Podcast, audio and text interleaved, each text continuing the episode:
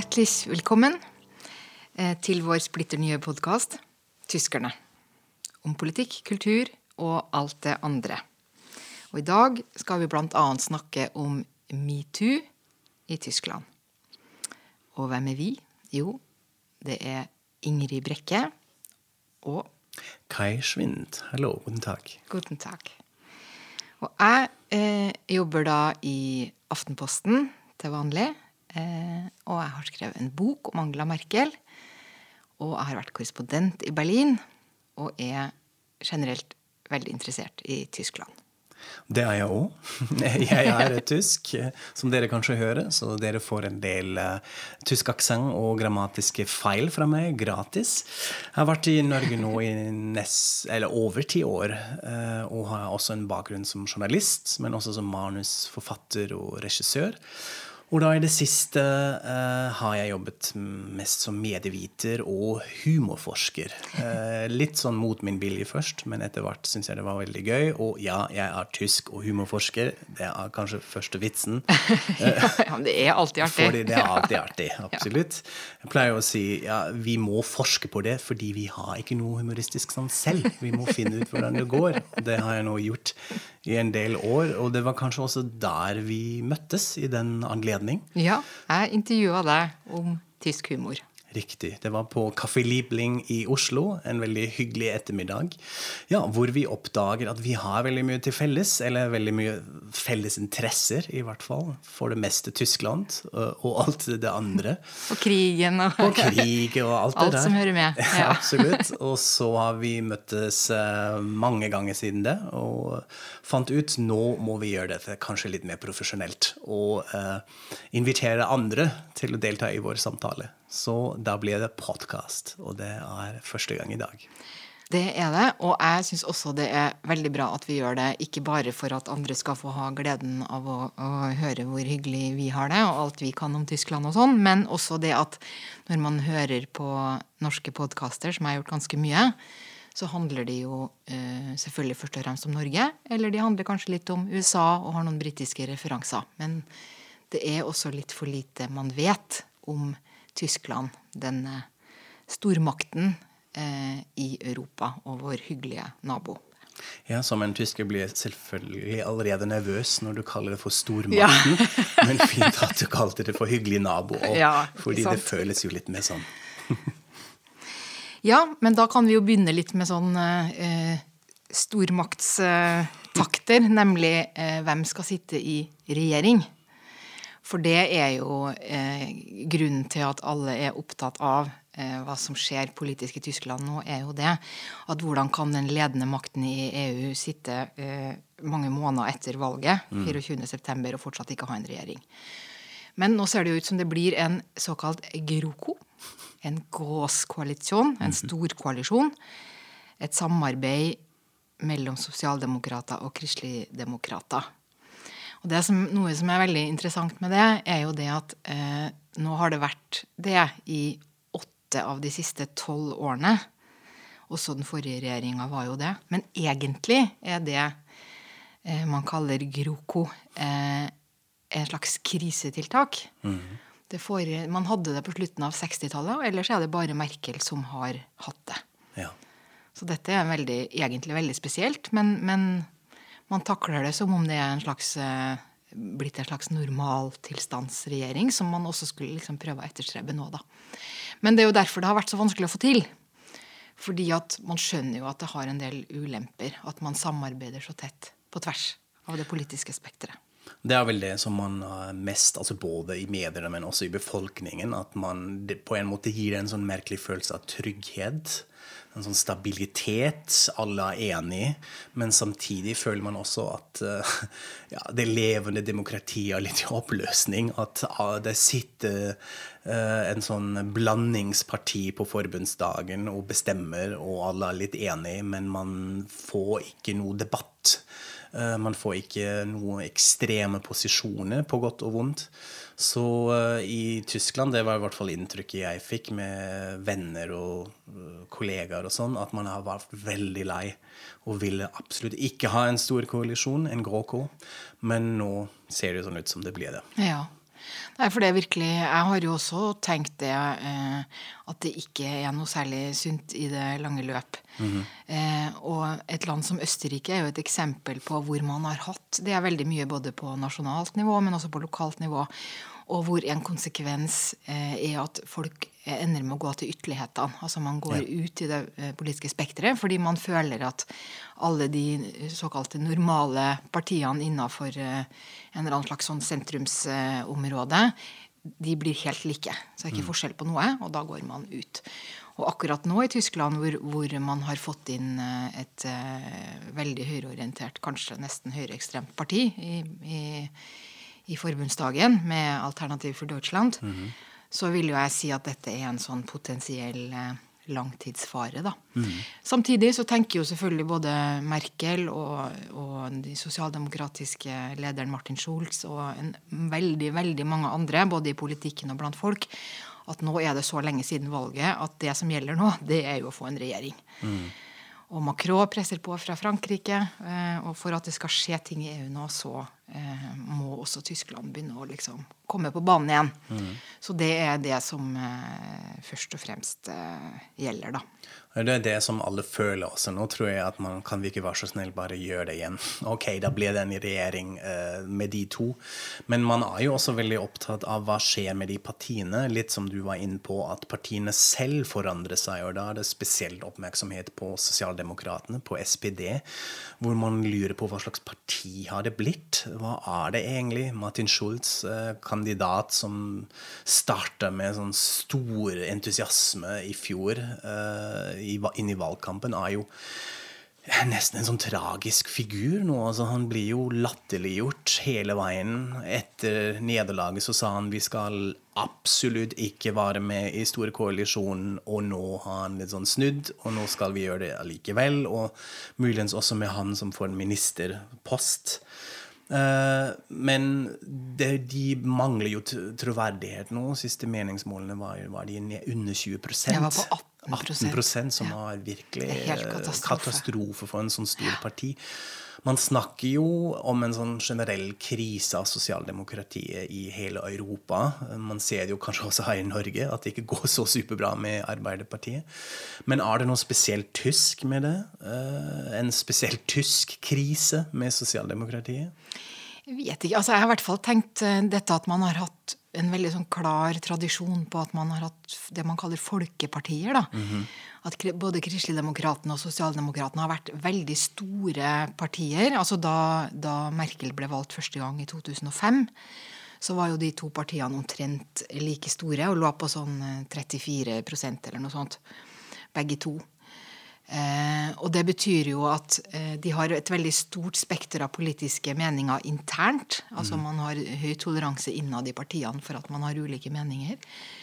Eh, men nå har jo da eh, eh, sosialdemokratene blitt nesten eh, halvert. og det er jo rart man kan jo liksom ikke kalle seg et folkeparti da, på samme Nei. måten. Altså, Jeg vet ikke hvor, hvor, hvor grensa går, men mm. Eh, når man ligger ikke, når man ligger under 25% kanskje, så begynner det allerede å bli litt rart. Og under 20 mm. er i hvert fall rart. da. Så Sånn sett er det jo et voldsomt brudd mm. med denne mm, tradisjonen, eller hvordan politisk, politikken har sett ut i Tyskland siden eh, krigen. da. Ja. Så, eh, men det er jo veldig eh, det er jo først, altså det er jo rart å se disse tre, for egentlig er det jo taperpartiene som danner koalisjon. fordi ja. selv om Merkel og CDO vant valget på den måten at de ble det klart største partiet, så hadde jo de også et elendig valg, det ja. dårligste siden 1949.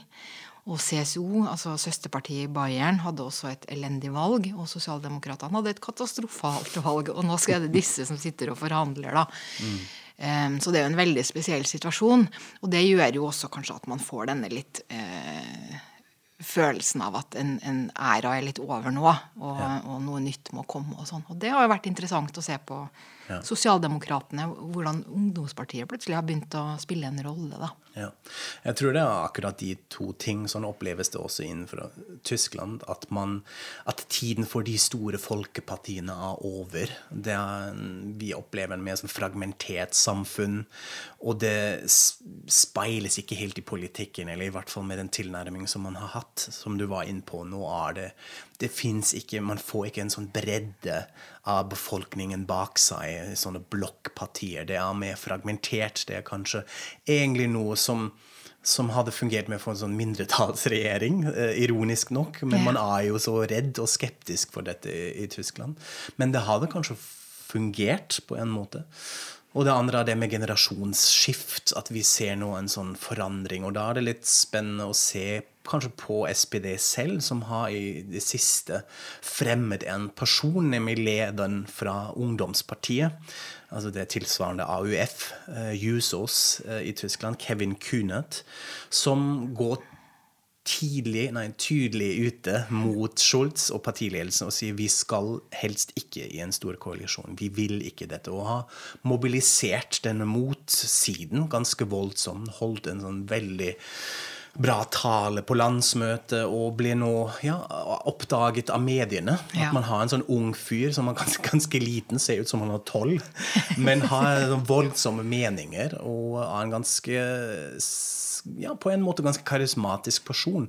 Og det er kanskje det beste av det hele. At man ser et parti som har denne fornyingen innenfra. At det fins sånne stemmer som kommer fra partiene, og ikke uten, utenfra fra, fra f.eks. høyre- eller venstreekstreme posisjoner. Men at man har uh, denne diskusjonen og tar den offentlig òg. Det er jo et godt tegn, kanskje. Ja, og så er det jo dette som man ser så tydelig med han, hvordan han, eh, han snakker fra hjertet hjertet. Ja. Mm. Og det er jo nettopp det som kanskje begynner å mangle når politikere har vært i gamet, og de samme har styrt i fryktelig mange år. Ja. At man føler på denne at de mer administrerer enn de gløder ikke så mye og sånn. Mm. Mens han kommer inn, og du virkelig bare ser hvor mye det betyr for han.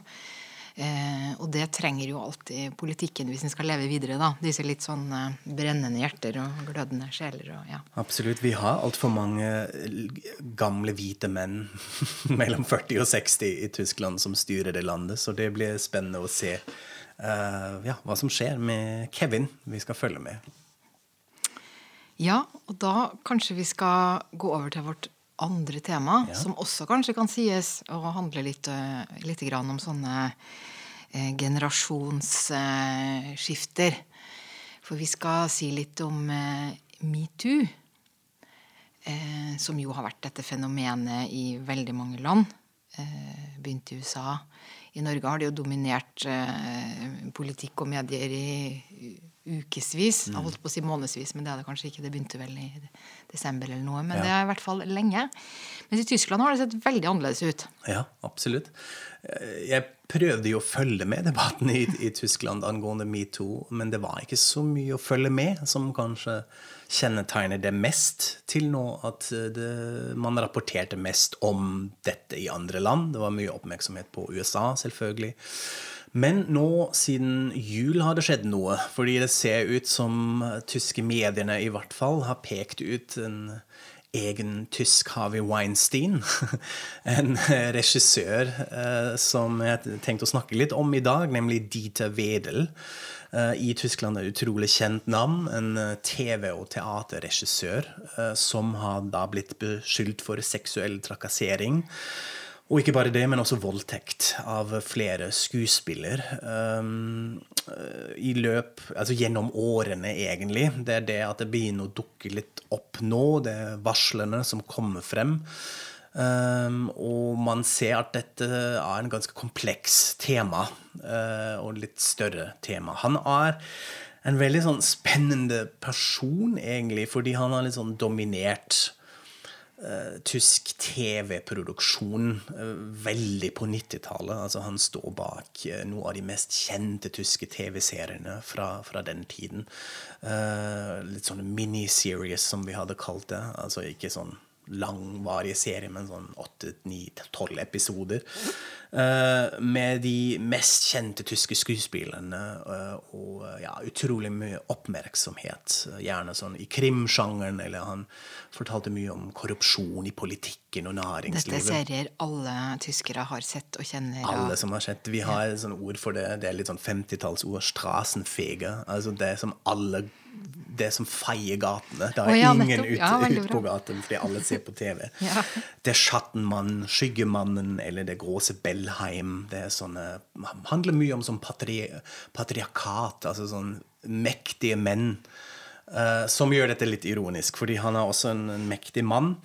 Uh, men han har da fra begynnelsen egentlig blitt beskyldt for å ha en sånn veldig autoritær eh, ledestil. Det var mange historier rundt dette, hvordan han oppfører seg, at han er veldig kolerisk på settet, at han brøler masse. og Da kan jeg kanskje komme med en liten anekdote, fordi Ja.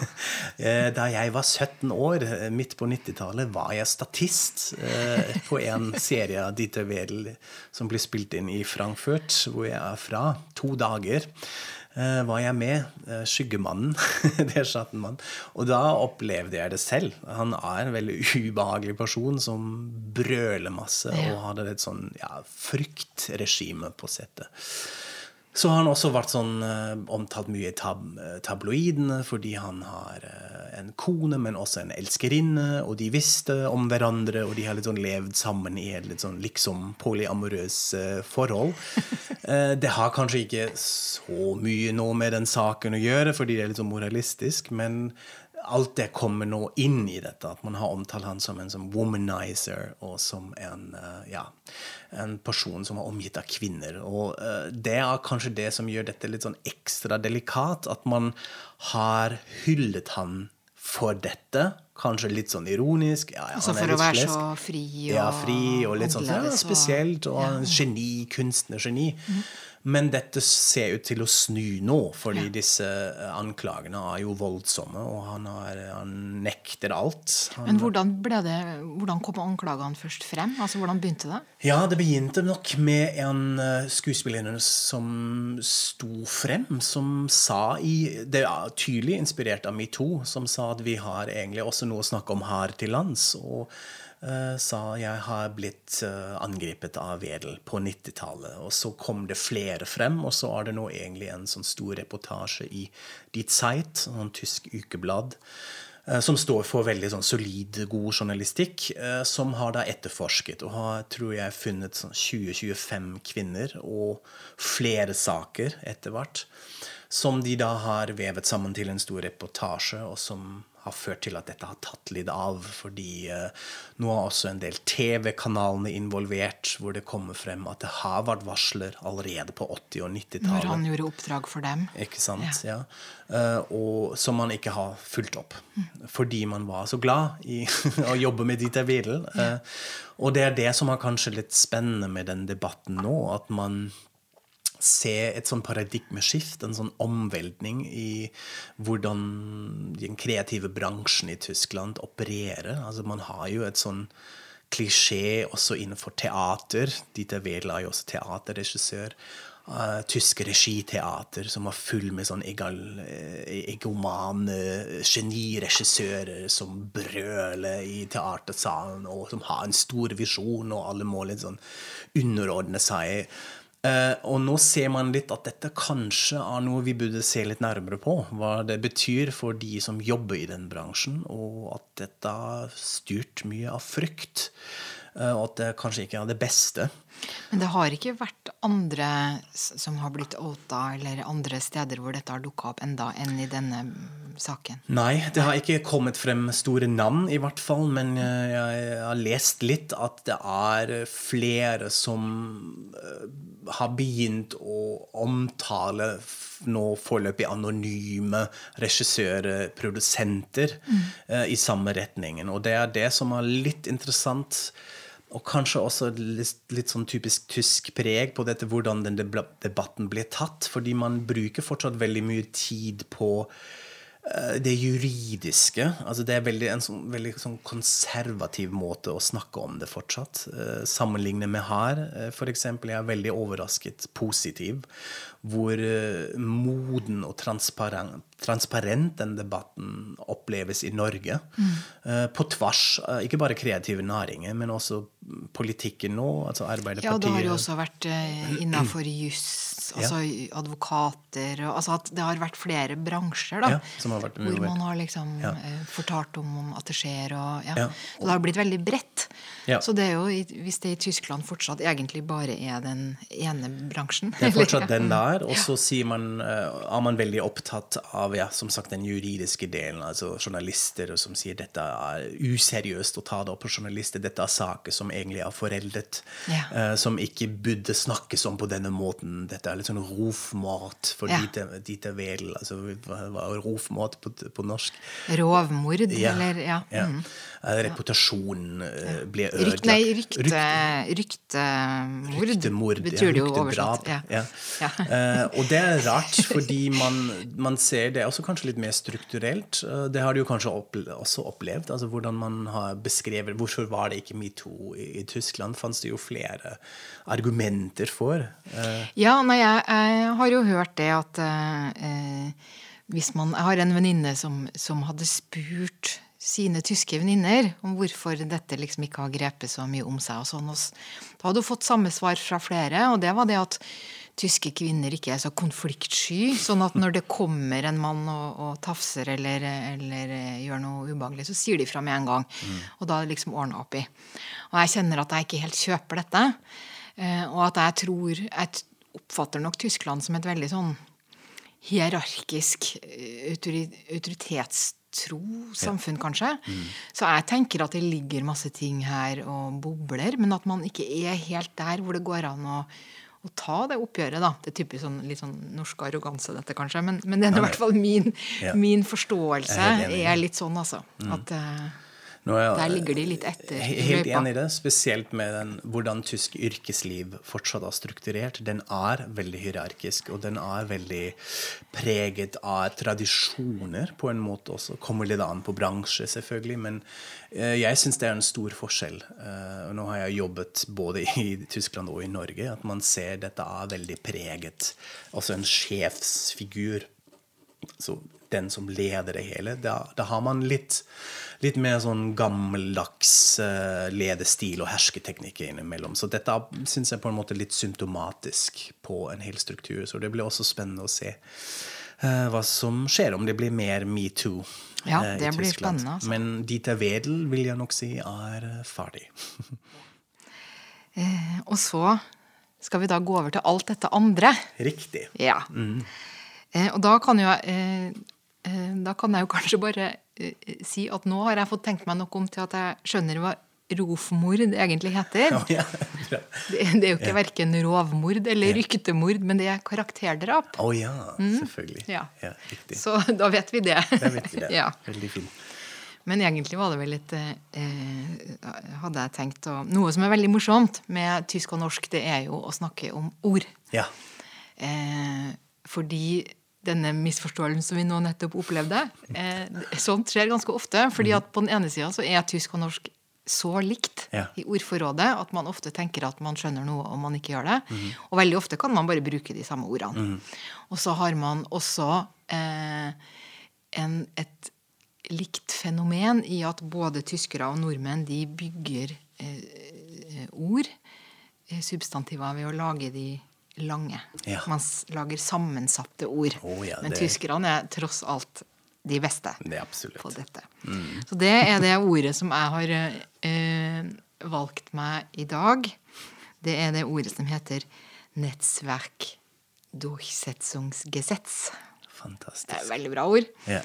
Eh, og det er et veldig Det handler nemlig om en eh, ny lov som trådte i kraft ved nyttår, som er at eh, eh, det er et forsøk på å, ta eh, Kunne gripe inn mot hate speech på internett. På Facebook og Twitter. og sånn. Vi skal ikke, ikke gå inn på den saken, som er en stor og interessant sak i seg selv.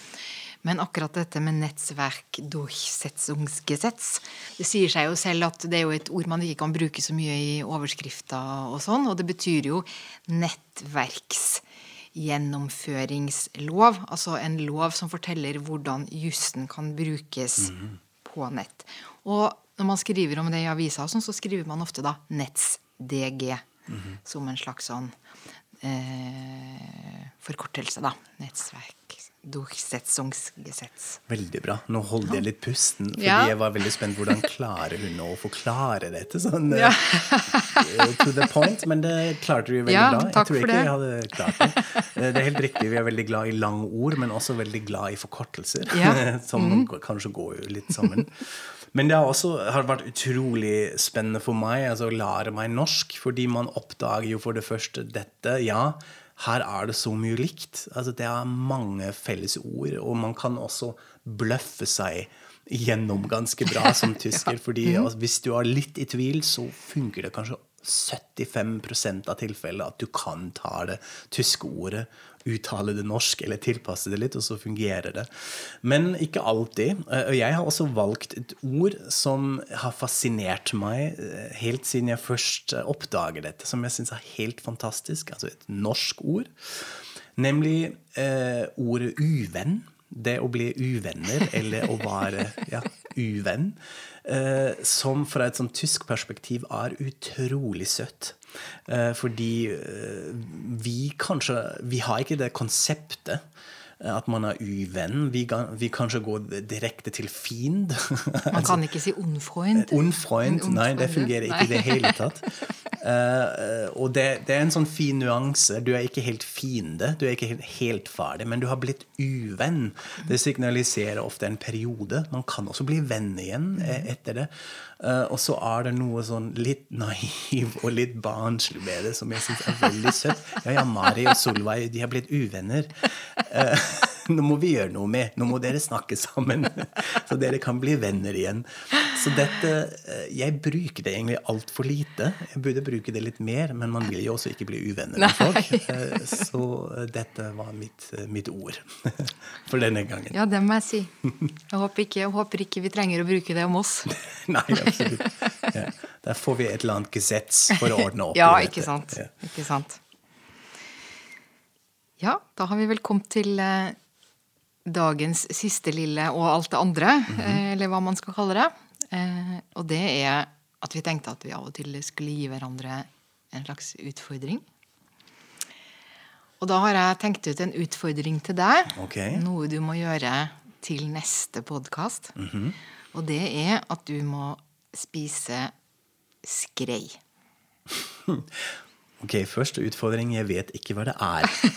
Det er noe å spise, er å håper jeg, men det er ikke gitt i Norge uh, alltid. Fordi dere spiser ting som vi kanskje ikke hadde spist i Tyskland. Skrei. Ok. Ja, den hadde, Det hadde dere nok spist i Tyskland. òg. Skrei, skrei, det er torsk. Ok. Men det er torsk i en sesong. Ja. Altså skrei, det, Nå er det nemlig skreisesong. I januar, februar og mars, tror jeg det. Og det er den beste av alle, alle torsker. Det er den torsken som gyter i, i, rundt Lofoten nå. Ja. Og den eh, klassiske, flotteste måten å spise det på, som jeg jo elsker, det er jo da med lever og rogn. Altså Ja. fersk okay. skrei med lever og rogn. Men, okay. men du kan få slippe lever og rogn eh, hvis du syns at det er for eh, vanskelig. Det er jo også mange nordmenn som eh, Ja, det er en rette ånd. Ta det hele. Ja. Men det er jo, jeg kjenner jo også nordmenn som sier at de spiser skrei, men de ikke klarer lever og rogn. da. Men jeg syns det er fint at du har denne tilnærmingen Ja. med full pakke. Så det er en delikatesse som er muligens også ganske dyrt, eh, i god norsk ånd. Ja, ja, det er ikke den billigste fisken Nei, i fiskebutikken. Men det som er viktig, er at, du, at den må være Enten må du gå på en restaurant hvor de Ja. tilbereder den oh, ja, ok. ordentlig, Ja. eller du må kjøpe den i, i en fiskedisk. Ja. At, for det er viktig, det skal være helt ferskt. Det er liksom konseptet. Det Ja, være helt ferskt. Men da tror jeg jeg prøver det på restaurant, og så skal jeg rapportere neste gang Ja. hvordan det gikk. Det gleder jeg meg til. og neste gang får du kanskje en utfordring Ja. uh, av meg. Ja, da er vi vel nesten ferdig, men du har kanskje en bitte liten ting fra det andre uh, rubrikk Ja. til oss før vi avrunder? Jeg har en liten ting til som egentlig er en veldig stor ting, da. For det er nemlig Berlinmuren. Eh, nå har det blitt oppdaga en ny del av Berlinmuren. Okay. Eller det er jo ikke helt sånn, for det høres jo litt rart ut. Men eh, Berlinmuren eh, har jo vært nå eh, borte i eh, 28 år. Og Likevel har da mediene i Tyskland nå en sak om at man har funnet en ny bit av Berlinmuren. Okay. Og Det er en veldig god historie, for det er altså en, en eh, mann som kalles Heimatforscher. Mm -hmm. Litt usikker på om det er en akademisk ting, eller om det er noe man da pusler med på fritida. Men det er uansett ja. en, eh, en, berliner fra Panko, i selvfølgelig da eh, Øst-Berlin. Øst eh, og han har siden 1999 visste om en liten sånn rest av muren langt ute i skogen. Eh, som han ble da vist av en venn. Eh, og som han har holdt hemmelig og ikke fortalt til noen, fordi han var redd for at den da enten skulle bli revet. Man rever jo egentlig nesten alt av muren, mm. unntatt noen få sånne minnesteder som er for turister, og, og som er en slags museer. Eh, og han var også redd for at den skulle liksom bli tatt av eh, turister hvis det ble for kjent. dette da. Så han har gått rundt med denne hemmeligheten, men nå er den fysiske tilstanden til denne eh, murbiten blitt så dårlig at han går ut og sier det i håp om at nå myndigheter vil verne den og ta ordentlig vare på den. og sånn. Så da han gikk ut og fortalte om dette, så eh, det jo, ble det jo en del debatt. Er det virkelig en ekte murbit? og sånn. Mm. Eh, for den ser jo veldig rar ut, og det ser ut som bare sånn kunne vært ved en fabrikk for å passe på at folk ikke kom inn og sånn. Men, eh, men, nå har de det som heter Stiftung Berliner Mauer, mm -hmm. altså de som er stiftelsen som, som eh, kan alt om Berlinmuren, mm. har sagt at ja, dette er ekte saker. Men det gjør jo også at nå kommer jo alle turistene og tilreisende og alt og vil hakke løs biter. da, Så han stakkars oppdageren, som heter Bormann, Kristoffer Bormann, tror jeg han heter, eller Christian, han går nå rundt uh, hver natt med hunden sin og passer på denne lille murbiten, da, eller lille 80 meter mur. Så vi får se. Jeg likte den historien helt til eh, du nevnte at han heter Bormann, og at han går rundt med en hund midt på natten. Det er også dessverre veldig tysk. Men spennende. Det er veldig interessant. Ja, dukker opp deler av muren som vi ikke har sett før. Ja, og med det kan vi jo kanskje runde av for denne gangen. Vi kommer tilbake snart. Eh, takker for oss, Ingrid Brekke og Kai Schwint. Og vi vil takke Herman Hassel, som er vår lydtekniker eh, ved Westerdalshøgskolen.